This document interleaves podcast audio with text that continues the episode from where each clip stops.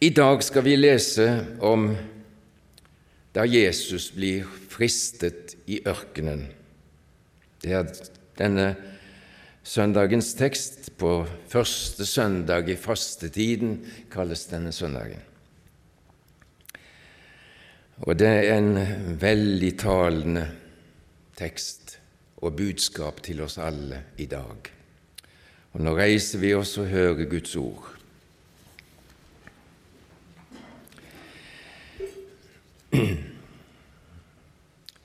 Da ble Jesus av Ånden ført ut i ørkenen for å fristes av djevelen. Og da han hadde fastet i 40 dager og 40 netter, ble han til sist sulten. Og fristeren kom til ham og sa, Er du Guds sønn, så si at disse steinene skal bli til brød. Men Jesus svarte og sa, Det står skrevet, mennesket lever ikke av brød alene, men av hvert ord som går ut av Guds munn. Da tok djevelen han med seg opp på den hellige stad. Da tok djevelen ham med seg til den hellige stad og stilte ham på tempelets tinde. Og han sier til ham, Er du Guds sønn, så kast deg ned, for det står skrevet, Han skal gi sine engler befaling om deg, og de skal bære deg på hendene for at du ikke skal støte din fot på noen stein. Jesus sa til ham, Det står også skrevet, du skal ikke friste Herren din Gud. Igjen tok djevelen ham med opp på et meget høyt fjell og viste ham alle verdens riker og deres ærlighet. Og han sa til ham, Alt dette vil jeg gi deg dersom du vil falle ned og tilbe meg. Da sa Jesus til ham, Bort fra meg, Satan, for det står skrevet, Herren din Gud skal du tilbe, og ham alene skal du tjene. Da forlot djevelen ham, og se, engler kom og tjente ham, Jesus. Kjære Far og Jesus. Takk for ditt ord er levende og virkekraftig også i dag. Kom oss i møte gjennom ditt ord i dag, og hjelp oss som er her i Betlehem, til å være åpne for det budskap du har å gi oss i dag, Jesus. Vi ber om velsignelse fortsatt over denne stund. og vi ber også om velsignelse over søndagsskolen i dag, og de som skal gi det beste av alt til barna. Velsign de rikelig, Herre. Amen.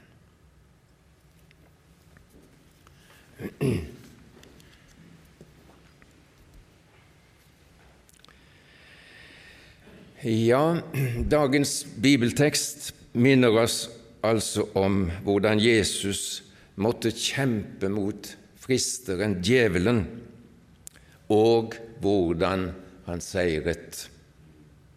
Det er vel verdt å understreke det, hvordan Jesus seiret i fristelsen. Og det som også er situasjonen for oss i dag, og som Bibelen taler veldig mye om, det er at vi på mange måter er i samme båt, for å bruke et bilde, som Jesus. Og Jesus sa eksempel i sin avskjedstale til disiplene Verden hater dere, sa Jesus til disiplene, og han sa, har de forfulgt meg, så kommer de til å forfølge dere. Og vi må aldri tro det at djevelen har lagt ned våpnene. Han kommer til å forfølge deg så lenge du lever i denne verden. Bibelen sier han går omkring som en brølende løve og søker hvem han kan oppsluke. Og han kan kle seg om til en lysets engelskikkelse, sier også Bibelen. En eh, stor gudsmann for mange, mange år siden som het Ludvig Hope. Han talte om denne situasjonen som djevelen er i, nær sagt, overfor oss med tanke på fristelse. Og Han sa, brukte et bilde. Djevelen kom, sa at han kommer på sokkeleisten, sa han. Han kommer så stilt. Han prøver å lure oss og få oss i en eller annen felle, friste oss. Og Det er et aktuelt ord i denne sammenhengen i dag, som står i Romerbrevet 15.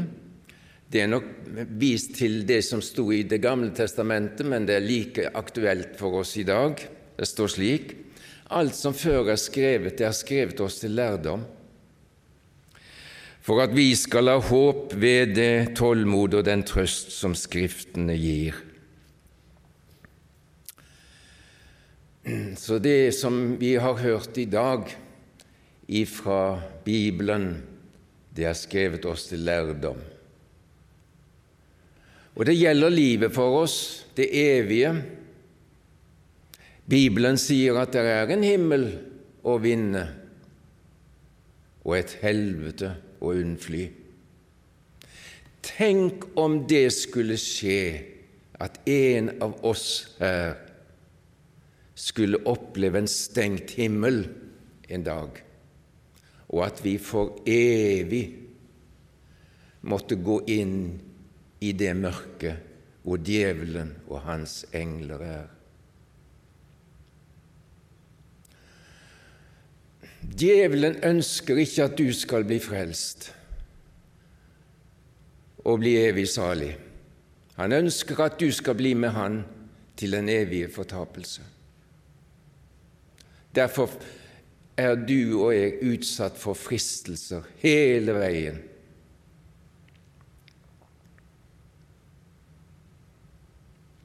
Ikke minst dette at vi må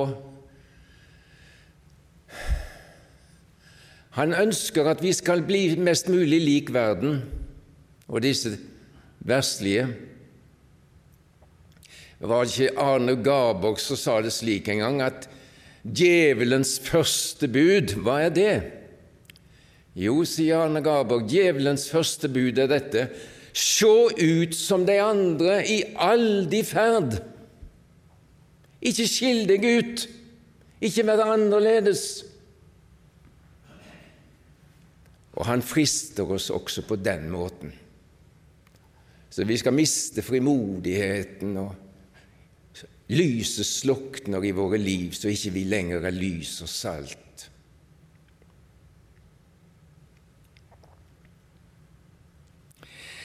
Når Jesus lærte sine disipler og oss Herrens bønn, så lærte han oss også å be i den bønnen La oss ikke komme i fristelse, men frels oss fra det onde.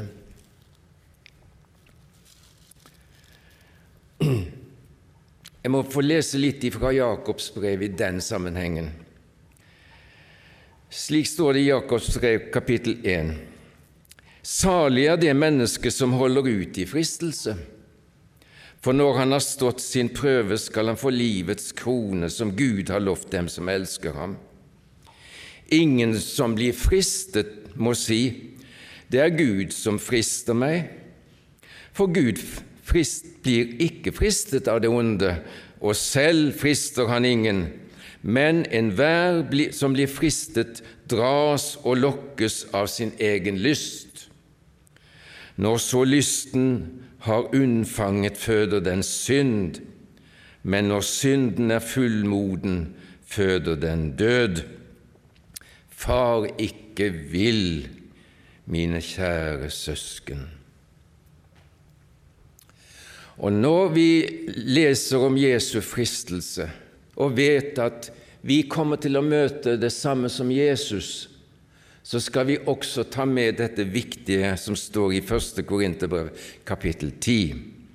Der står det følgende.: Dere har ikke møtt noen fristelse som mennesker ikke kan tåle og Gud er trofast. Han skal ikke la dere bli fristet over evne, men gjøre både fristelsen og utgangen på den slik at dere kan tåle den.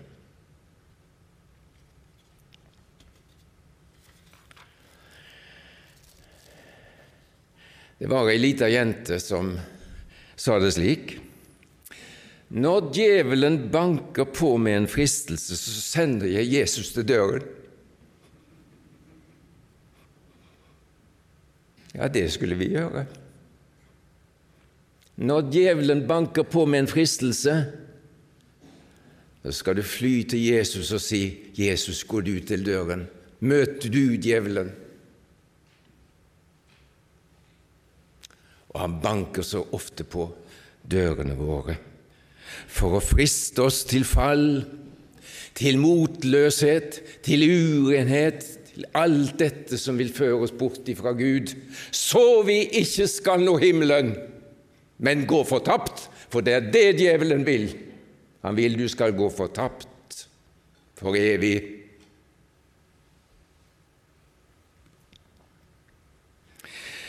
Det er nok noen kristne, kanskje ikke mange, men det er nok noen kristne som tenker at det å være en kristen, et Guds barn, det er å være skjermet for alt som er vondt og vanskelig, bl.a. sykdom, fristelser og andre prøvelser. Ja, ja, noen kan kanskje tenke slik, men det er ikke helt riktig å tenke sånn, tror jeg da. Det er vel heller slik alltid salig om ei alltid glad, fer eg vegen heim til Sions stad. Alltid salig, og når Satans hær freister meg å være mot meg lær, når min frelser hjartans rikdom er, alltid er eg salig.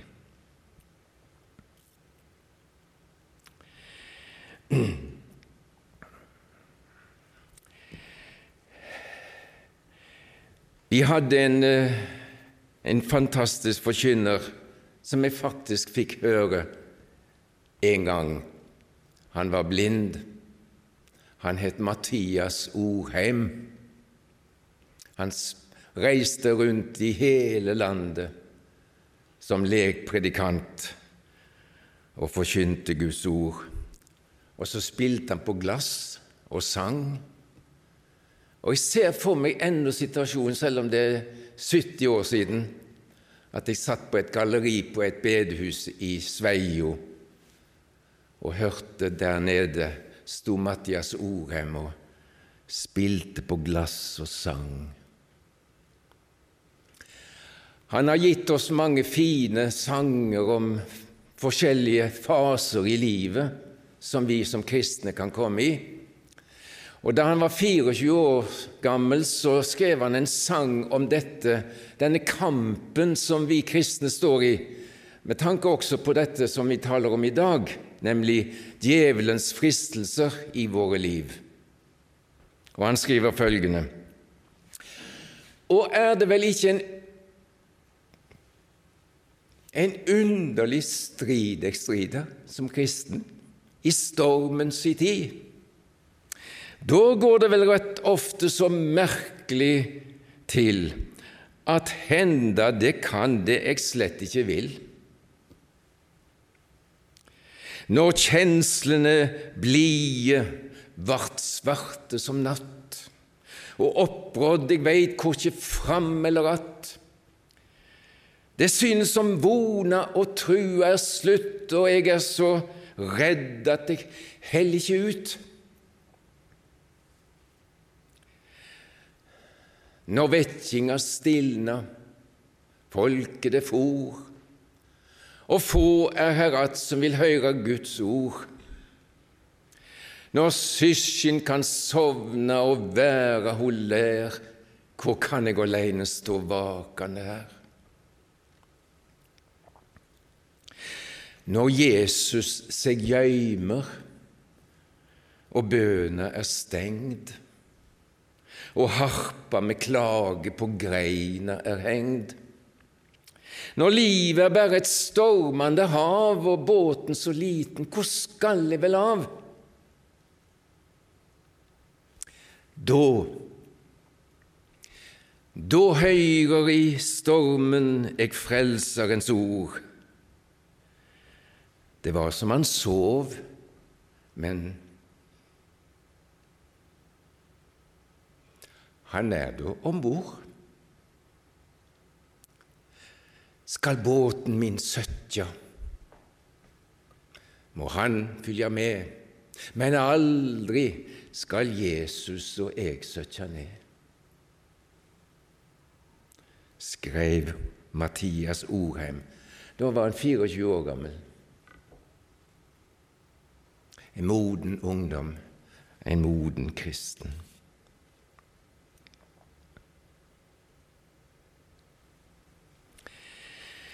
Ja, vi står i en voldsom åndskamp, vi som er kristne i dag. Og Bibelen taler om djevelens listige angrep.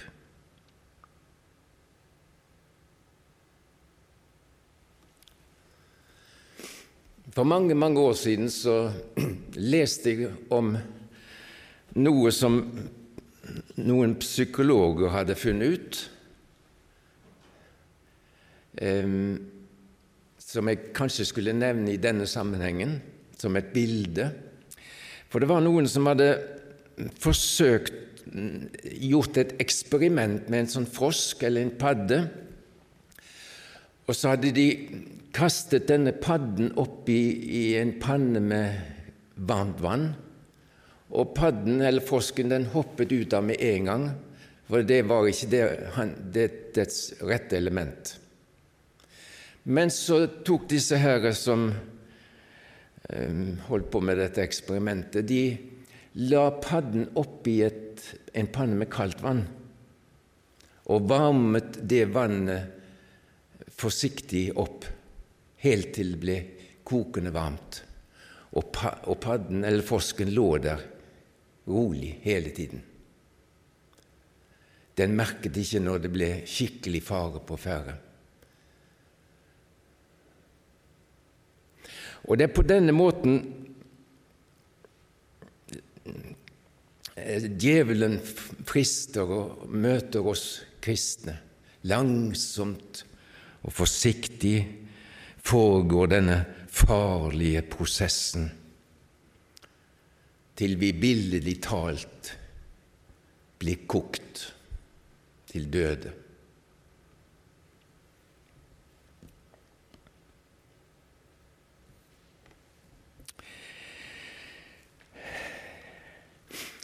Vi lever i ei tid nå som, eh,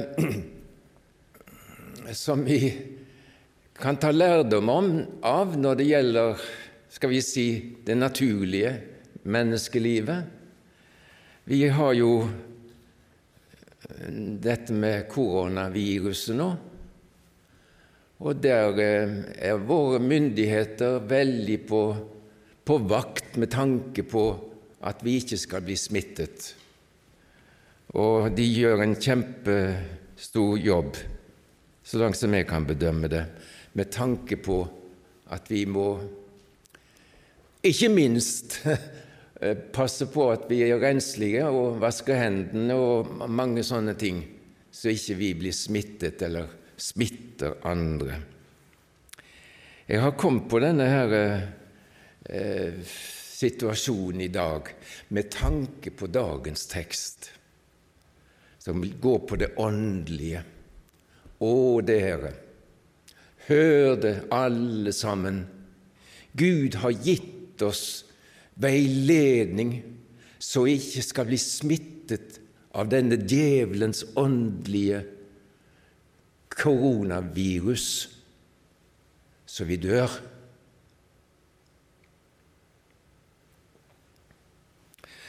Og vi har eh,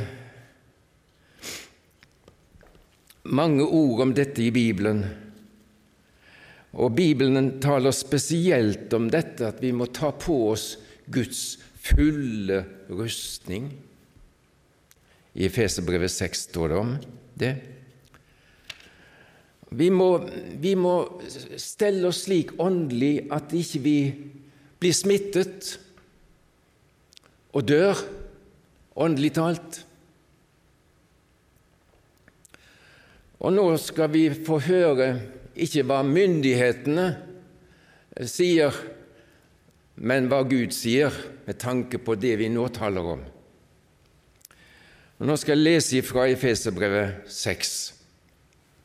Og så må vi alle sammen som er her, ta til oss og høre hva Gud sier gjennom apostelen i dag. Slik står det. For øvrig, bli sterke i Herren og i Hans veldige kraft. Ta på dere Guds fulle rustning, så dere kan holde stand mot djevelens listige angrep. For vi har ikke kamp mot kjøtt og blod, men mot maktene, mot myndighetene, mot verdens hersker i dette mørket, mot ondskapens ånde her i himmelrommet. Ta derfor Guds fulle rustning på, så dere kan gjøre motstand på den onde dag og bli stående etter å ha overfunnet alt. Når Paulus ser på slutten av sitt liv så skriver han en hilsen, et brev til Timoteus, og sier han, 'Jeg har fullført løpet, bevart troens gode strid, fullført løpet og bevart troen.' Og han er så lykkelig. Tenk! Troen blir bevart. Djevelen vil ikke at du skal bli frelst. Derfor er han ute med sine gloende piler og angriper deg til alle døgnets tider. Må aldri tro at han tar vinterferie eller sommerferie eller noe som helst ferie. Fra dette og friste deg til fall, så du kommer bort ifra Gud og går fortapt. Derfor sier Bibelen til oss alle i dag ta på deg Guds fulle rustning. Ikke bare del av den, men Guds fulle rustning, så du kan bli stående.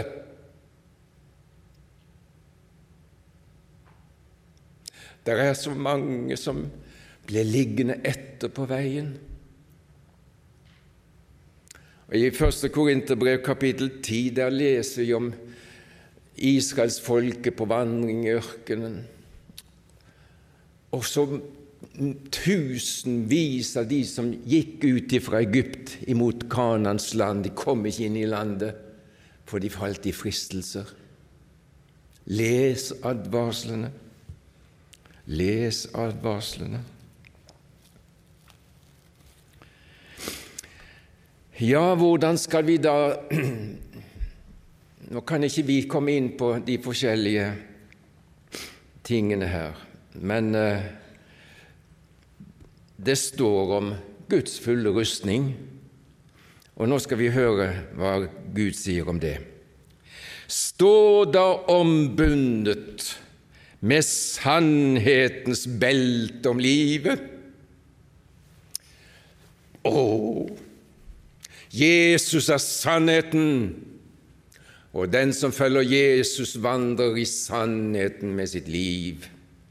Stå ombundet med sannhet, sannhetens belte om livet, og vær iført rettferdighetens brynje. Den som er i Kristus, er rettferdig for Gud. Takk og lov. Ha, på, ha som sko på føttene den beredskap som fredens evangelium gir og grip framfor alt troens skjold, som dere kan slukke alle den ondes brennende piler med, og ta frelsens hjelm og Åndens sverd, som er Guds ord. Og jeg tenkte på at jeg skulle si litt ekstra men, om dette med Åndens sverd. Å, hvor det er viktig, men nå hører dere det. Det er Gud som taler til oss, hvordan vi skal leve i åndelig beredskap med tanke på fristeren som omgir oss til alle tider. Men vi har med en Gud å gjøre som vil utruste oss i denne kampen, så vi kan bli stående. Og så avslutter apostelen denne oppnevningen av alle rustningene, så sier han Be til enhver tid i Ånden med bønn og påkallelse.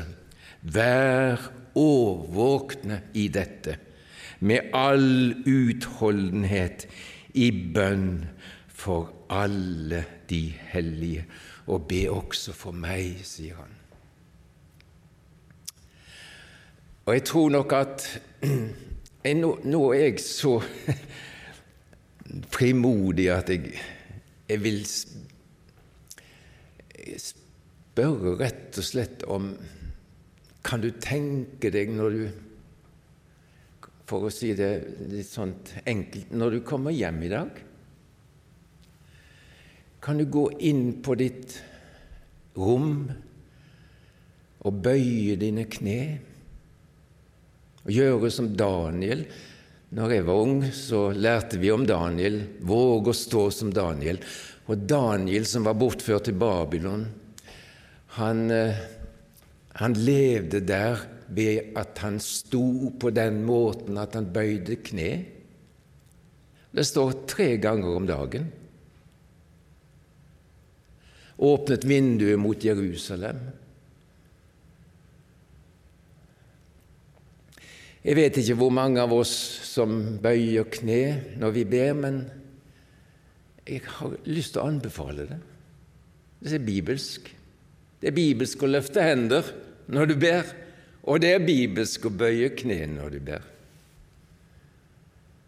Våg å stå som Daniel.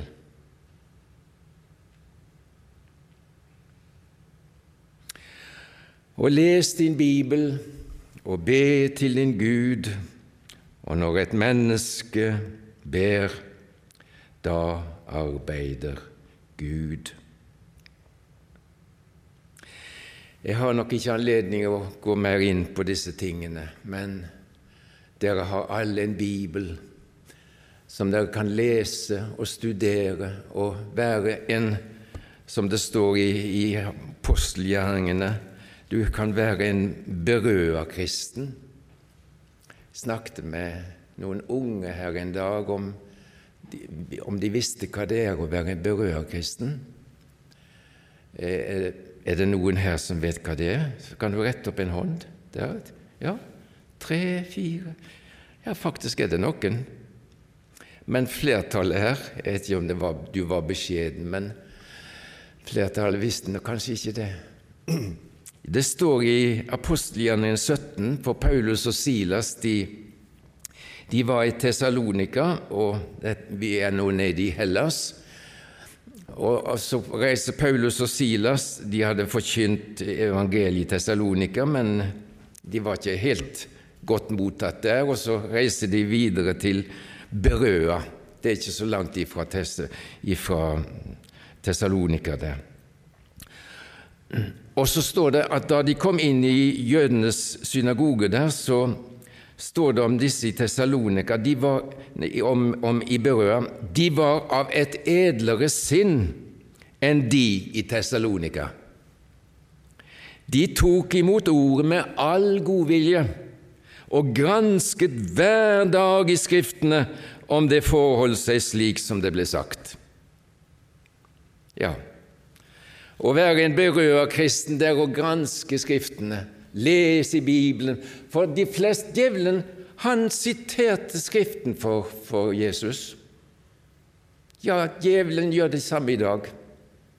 Og han bruker mange, til og med mange som skulle forkynne Guds ord med, med, med, med ånd og liv, og så siterer de Guds ord uten å ta med helheten i Guds ord.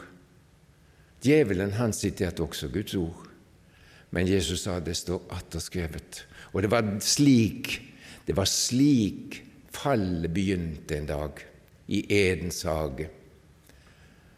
For djevelen spør Adam Eva har Gud virkelig sagt. Han stiller spørsmålstegn ved det Gud har sagt. Så tolker djevelen på sin måte. Han gjør presis det samme i dag. Så bli en berørt kristen i denne åndskampen. Studer Guds ord, les.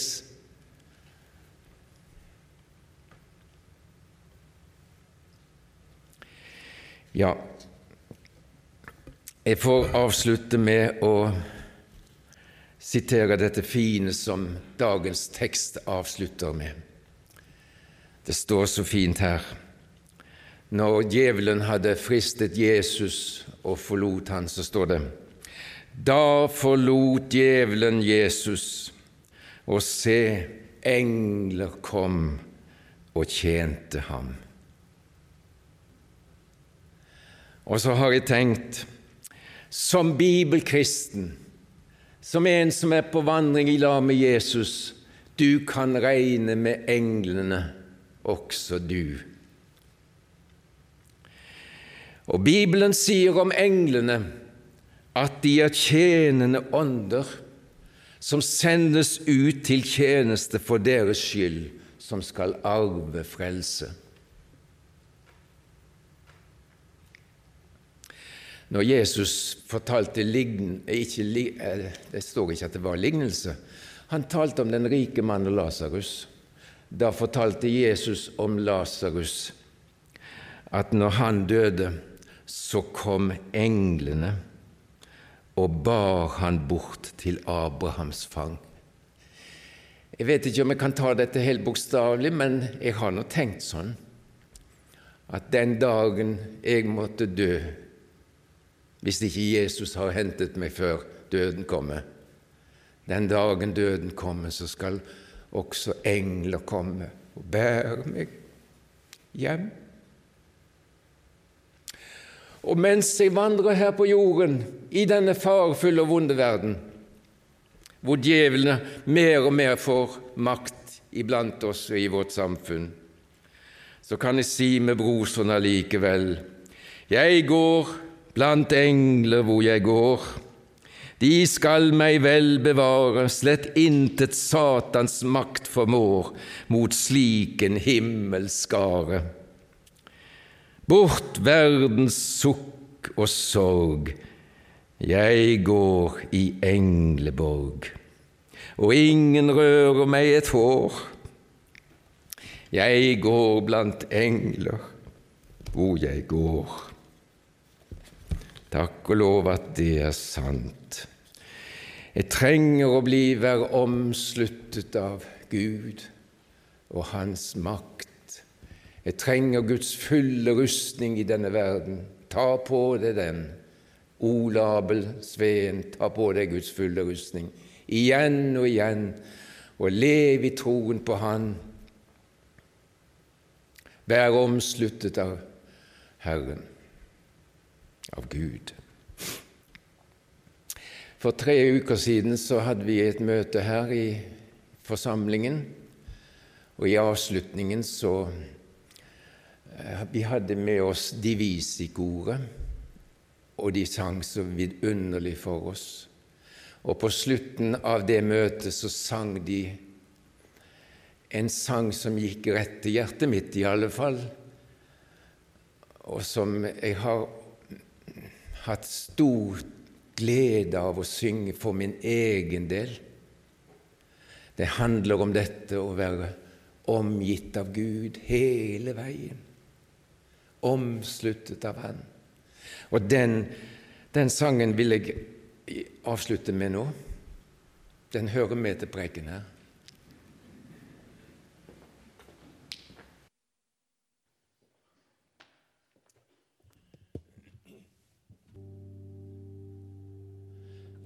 Takk, Herre Jesus.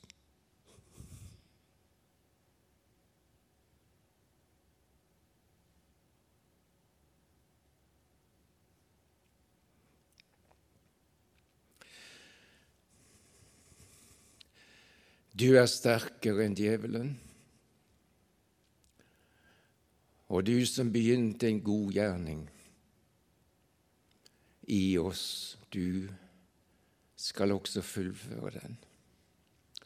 Fullfør din gode gjerning i våre liv, vi som er her i dag, så vi når fram. Og slik at vi kan være lys og salt og veiledere for andre som blir fristet, og som faller. Hjelp oss å hjelpe også de som faller. Amen.